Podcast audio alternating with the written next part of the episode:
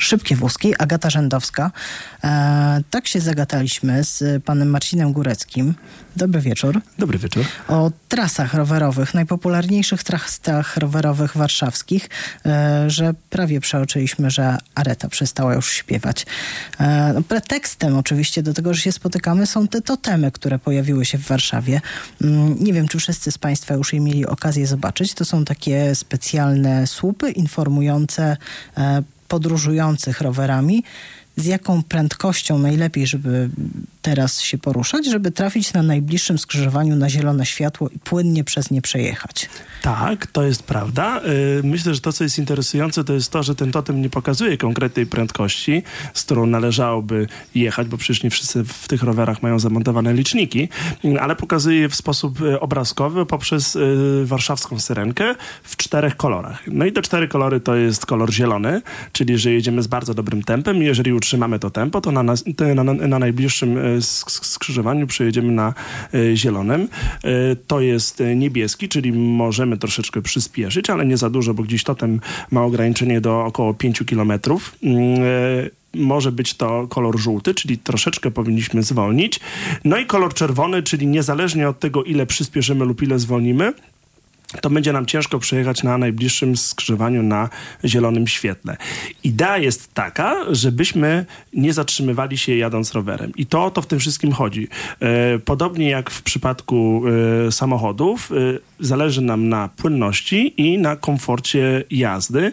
I podobnie jest w przypadku rowerzystów, żeby ci, którzy jadą po trasach rowerowych, mogli jechać płynniej, żeby byli zawczasu poinformowani, jak należałoby się zachować, żeby na następnym skrzyżowaniu przejechać płynnie. To jest y, bardzo duże ułatwienie. Ja korzystałam z tego, że w, na Żoliborzu i przez Bielany e, była ustawiona zielona fala do tramwajów i tramwaj, starałam się jechać mniej więcej równo z y, tempem tramwaju co czasami było karkołomne, a czasami było bardzo łatwe, bo jeżeli były dość często przystanki, tramwaj musiał się zatrzymać, ja sobie spokojnie do tego dojeżdżałam. Tutaj byłoby znacznie łatwiej.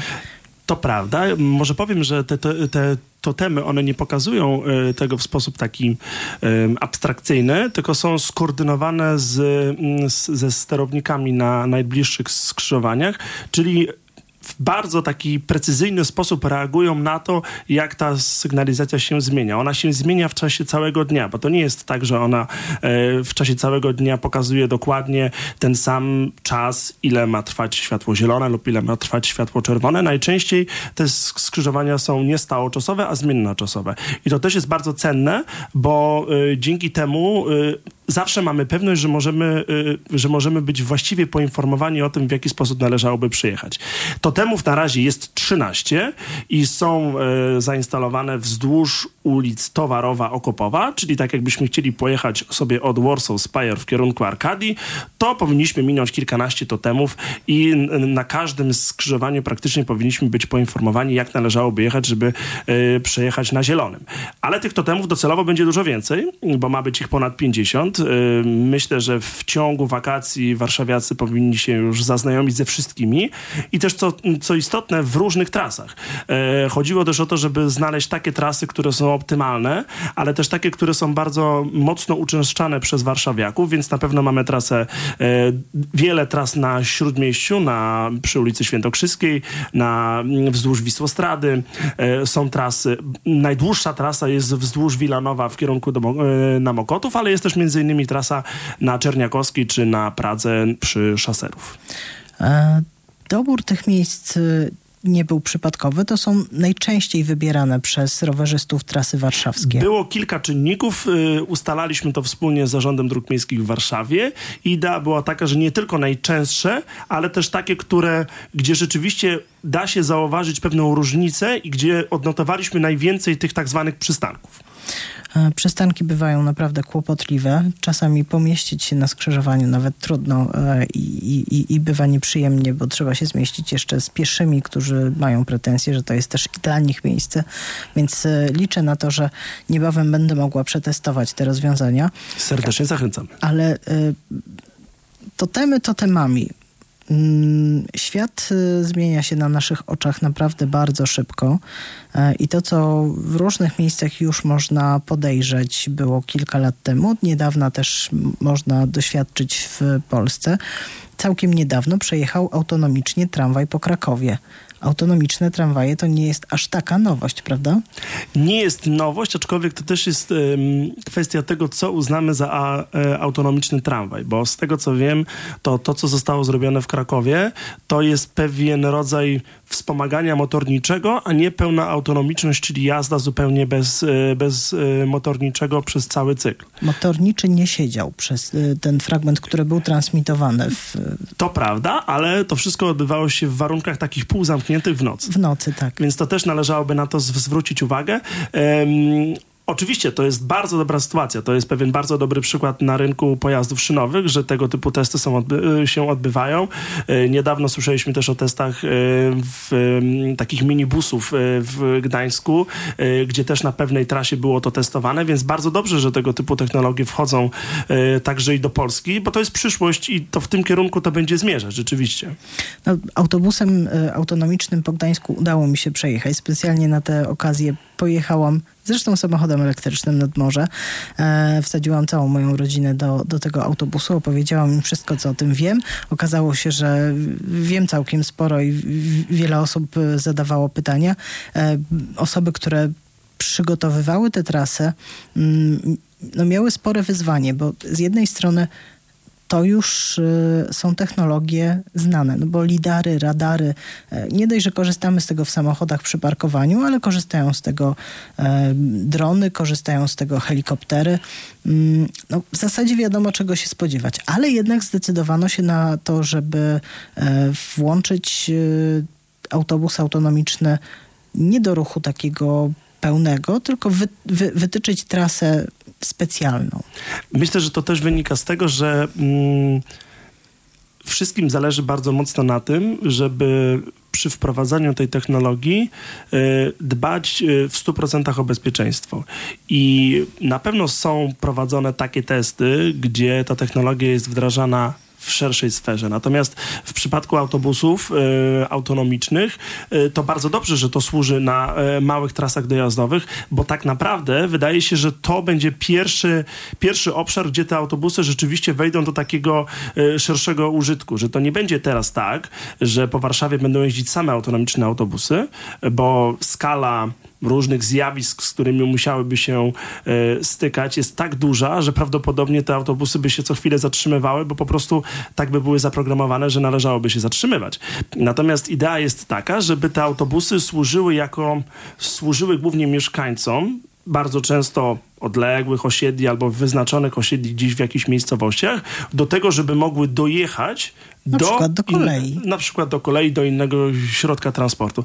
Takie zastosowanie jest e, w jednej z dzielnic w Wiedniu, które ja miałem okazję mm, przetestować, gdzie jest cała dzielnica, taka bardzo nowoczesna, też e, stworzona w zasadzie od podstaw w terenach Wiednia, które mm, jeszcze kilkadziesiąt lat temu zupełnie nie były uczęszczane i, i zupełnie o nich zapomniano. E, doprowadzono tam metro i, i, ten teren się bardzo mocno unowocześnił, ale idea też była taka, żeby wraz z pojawieniem się metra ci ludzie z okolicznych e, domów, e, osiedli, mogli do niego dojechać w sposób e, bardzo płynny. To nie są jakieś duże odległości, bo to jest około kilometra, półtora kilometra. Natomiast e, chodziło o to, żeby spróbować ich tam zawieźć czymś innym niż zwykłym autobusem.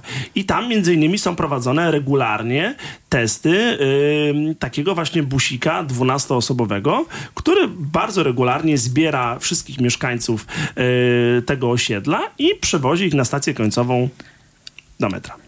Ja się tutaj y, na chwilę zatopię w materiały, które kiedyś przygotowywałam. Przygotowywałam taki raport y, dotyczący rowerów i my tam skupiliśmy się na tych odległościach, które ludzie mają z domu do najbliższego przystanku albo stacji kolejowej.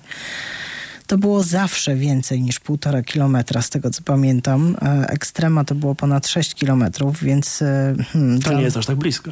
Właśnie.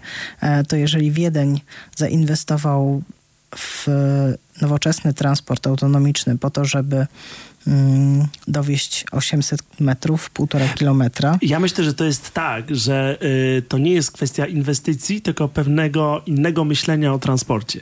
Dlatego, że y, coraz częściej mówi się o transporcie w kategoriach e, nie tego, że mamy samochód i dojeżdżamy nim w każde miejsce, tylko że jest to pewnego rodzaju transport na żądanie. Usługa. I to też jest pewna usługa, z której chcemy skorzystać lub nie. Więc idea tego autonomicznego busika była też, e, polegała też między innymi na tym, że on nie miał pewnych wyznaczonych ram, kiedy jedzie, ale że można było, mówiąc krótko, się do niego dosiąść. I to było pewnego rodzaju wspomożenie tego, jak, y, y, jak należałoby dojechać do metra. No, byłoby fantastycznie móc się tak wspomagać. E, nie mówię o Warszawie, bo Warszawa, chociaż wciąż są miejsca gorzej skomunikowane i każdy, kto mieszka w Rembertowie, Wesołej, e, odległym Wawrze, wie o czym mówię, że są takie godziny, że naprawdę jest ciężko. Mm, natomiast y, te miejscowości, których y, mieszkańcy na przykład przyjeżdżają codziennie do Warszawy pracować, Płońsk, Ciechanów, y, Nasielsk, tam taki transport rozwiązałby bardzo dużo problemów lokalnych. Na pewno tak i na pewno y, to będą te miejscowości, gdzie, gdzie to się może pojawić. Także nie mówimy tutaj o dużych, o dużych aglomeracjach, tylko raczej mówimy albo o konkretnych dzielnicach, albo o mniejszych miejscowościach, gdzie można by było to rzeczywiście zastosować. Także ja gorąco zachęcam i mam nadzieję, że e, jeszcze za mojego życia, e, za 20 lat, będziemy mogli jeździć autonomicznym, autonomicznymi busikami do radia. Tutaj dojadę busem, a, a, nie, a nie samochodem o 22. No i, i ja muszę szybko stąd zmykać, bo 23.11 mam ostatni autobus nienocny. W związku z tym... E, jest to sprint do przystanku. Udało mi się otworzyć dokument, nad którym kiedyś tam nie tak dawno wcale pracowałam.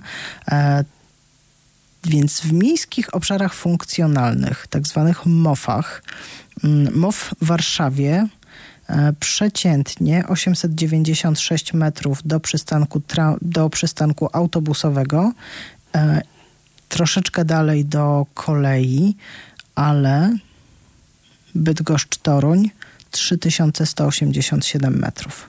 To już jest ładna wyprawa. To prawda. Natomiast y, myślę, że Warszawa jest pod tym względem unikalna, że jest bardzo wiele y, miejsc, gdzie rzeczywiście y, ludzi zachęca się do tego, żeby z transportu publicznego skorzystali.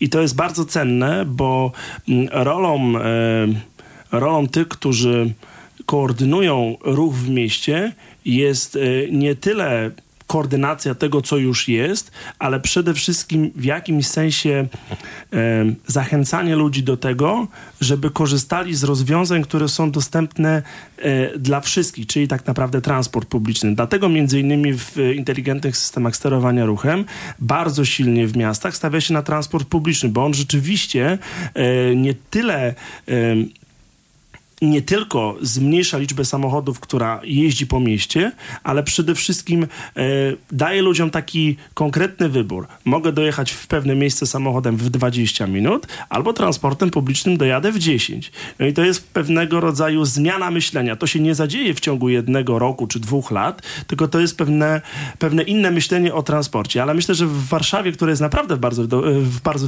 w bardzo wielu miejscach dobrze skomunikowana, e, to widać i ja staram się z tego korzystać jak najczęściej. Tak, nawet z tego opracowania, które sobie przypomniałam, tutaj e, ewidentnie wynika, że te 640 metrów to jest zasięg pieszej dostępności do przystanku autobusowego i w zasadzie w Warszawie nie ma większych odległości, ale już Poznań, Rzeszów, Białystok i wszystkie pozostałe mofy e, takiego komfortu mieszkańcy tam nie mają. E, wręcz w większości jest to poza ich y, zasięgiem tej pieszej dostępności, czyli jeżeli jesteśmy osobą trochę niedołężną, e, jesteśmy dzieckiem, no nie wyobrażam sobie, że w, w tych czasach puszczę dziecko 7-8-letnie na wycieczkę 3,5 kilometra w jedną stronę, żeby wsiadło do pociągu. Dokładnie, ale tutaj też mówimy teraz o kwestii tych autonomicznych bucików. E, dla dorosłego e, w, dobrej, w dobrym e, samopoczuciu człowieka półtora kilometra to nie jest wcale dużo, mhm. ale jeżeli mówimy o dziecku, czy mówimy o osobie starszej, czy z jakąkolwiek niepełnosprawnością, no to y, najmniejsza odległość jest tak naprawdę y, ogromną trudnością. I y, fakt, że ta mobilność się zmienia i można skorzystać z niej na żądanie, no jest czymś bardzo cennym y, dla wszystkich uczestników ruchu, którzy, którzy są w w mieście dla wszystkich mieszkańców. No, seniorów będzie nam przybywać. E, młodzież e, i dzieciaki niezbyt chętnie wypuszczamy spod swojej opieki, mm, więc tych rozwiązań no, chcemy, potrzebujemy.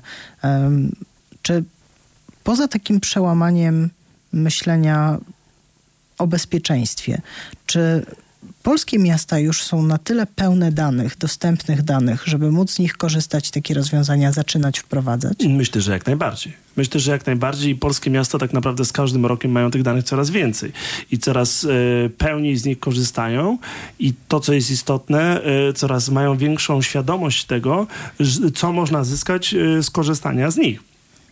Tak naprawdę, ale wracając jeszcze do autonomiczności, to myślę sobie mm, w ten sposób, że Podam może dobry przykład y, z Niemiec, gdzie testujemy autonomiczny tramwaj y, i gdzie ten tramwaj tak naprawdę jakby jaki jest problem z samą autonomicznością? E, jedna rzecz to jest kwestia zapewnienia maksymalnego bezpieczeństwa i to jest bardzo ważne i dlatego te prace nad, auto, nad autonomicznością trwają tak powoli i mają charakter nie rewolucyjny, a ewolucyjny. Musimy Ale druga rzecz, oswoić. druga rzecz to jest kwestia oswojenia i, i to bardzo silnie widać e, w przypadku e, chociażby pojazdów metra metro warszawskie y, mogłoby śmiało jeździć w sposób autonomiczny. Y, a w tym momencie na drugiej linii kursuje metro, które tak naprawdę jest nadzorowane przez, przez maszynistę, a w żaden sposób nie jest przez niego w pełni obsługiwane. Nawet są takie momenty, mm, z tego co mi powiedziano, raz w miesiącu jest taka jedna środa, gdzie jest zakaz korzystania z tej technologii takiego manualnej. takiej, takiej manualnej, takiej jazdy autonomicznej, tylko maszyniści muszą po prostu kierować ręcznie metrem, żeby nie wyjść nie z prawy, żeby, żeby nie zapomnieć, co jest naprawdę istotne. Ale myślę sobie o tym w ten sposób, że kiedyś, kiedy wprowadzano windy, był, był zawód windziarza, osoby, która jechała razem z, z kimś windą, po to, żeby ta osoba czuła się komfortowo, wjeżdżając gdzieś, nie wiem, na drugie czy trzecie piętro. Teraz w ogóle nie myślimy o tym w takich kategoriach. Jest winda, wsiadamy i czy to jest piąte piętro, czy piętnaste, tak naprawdę nie myślimy o tym, w, e, nie boimy się tego. Więc myślę, że to jest pewna bariera, która jest do przeskoczenia i ona zostanie przeskoczona e, wraz z upowszechnianiem się tych technologii. O technologię jeszcze zaczepię transportu nie ludzi, a towarów. Bo bardzo dużo ciekawych rozwiązań jest przygotowywanych do tego, żeby e, dostawy ostatniej mili były zielone, bezemisyjne, ale też sporo ciekawych rozwiązań jest e, testowanych e, do tego, żeby jeździć po trasach, przewozić między miastami. Jednym z takich rozwiązań są pantografy. Tak, to jest technologia e-highway, czyli tak zwanej elektrycznej autostrady, którą testujemy w kilku miejscach na świecie, między innymi w Szwecji, między innymi w Stanach Zjednoczonych e, i na dużą skalę także w Niemczech. Na trzech trasach e, autostradowych jest już ona otwarta na takich krótkich dwu, trzy, pięciokilometrowych odcinkach. E, no i jaka jest idea? Może sobie ktoś pomyśleć, że to dziwne, ale chodzi o to, że ciężarówka ma specjalny pantograf, którym na danym określonym odcinku podłącza się niejako e, pod sieć zasilającą i jedzie pod prądem. I ktoś mógłby pomyśleć, że no przecież Panie, taka technologia. No po pierwsze, że było, po drugie, że jest droga na pewno we prowadzeniu, e, po trzecie, że jest droga w utrzymaniu, e, no i, no i to tak nie wygląda szczególnie interesująco, ale jak zostało wyliczone na podstawie badań między innymi w niemieckim ministerstwie, to jest technologia, która jest w stanie e, naprawdę w bardzo istotny sposób zmniejszyć e, emisję CO2 w transporcie, który jest jednym z najbardziej ciągle nam rośnie. W innych y, obszarach, obszarach, nam spada, dokładnie. a transport ciągle do góry. Dokładnie. podam przykład. gdyby te technologie, to nie jest w ogóle tak, że y, myśli się o tej technologii w y, charakterze musi być w każdym miejscu, na każdej autostradzie niemieckiej. Y, sprawdzono, że jeżeli w, wprowadzono by to w maksymalnym obszarze 4000 kilometrów, czyli na mniej więcej 2% y, autostrad w Niemczech, to skala oszczędności z emisji CO2 tylko z tego, że te ciężarówki przesiadałyby się te, na te kilka kilometrów e, pod prąd jest rzędu 50-60%. To jest ogromny zysk i to jest ogromna korzyść e, dla środowiska, e, a to jest pewien czynnik, który będzie, myślę, naprawdę rósł na znaczeniu. Mam nadzieję, że szybko będziemy mogli popodglądać te wszystkie rozwiązania u nas. e, Nie tylko elektryczne autobusy, ale właśnie... Jesteśmy w trakcie konsultacji różnych tych rozwiązań w Polsce, więc wierzę, że e, już wkrótce będziemy mogli o pewnych rzeczach porozmawiać. No i to będzie znowu pretekst do tego, żeby się spotkać, a wtedy na pewno jeszcze będzie czas na to, żeby zapytać e, o Volvo elektryczne, które u was we flocie były ponad 10 lat temu. I doświadczenia z tego projektu. Ha, zaskoczyłam. Zaskoczony jestem.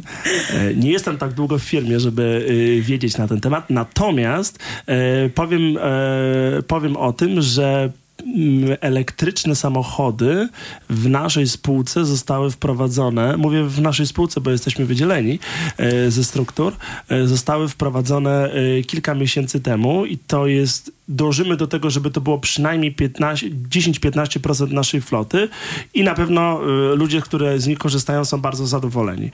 Co do Volvo, trudno jest mi powiedzieć, bo nie znam, że tak powiem, żadnych e, Szczegółów? e, szczegółów na ten temat, ale myślę, że jest to do sprawdzenia. To było około 9 lat temu. E, Pamiętam całkiem pokaźna jak na tamte czasy partia samochodów e, Volvo C30 była przygotowana, więc w ogóle bardzo nietypowa sylwetka.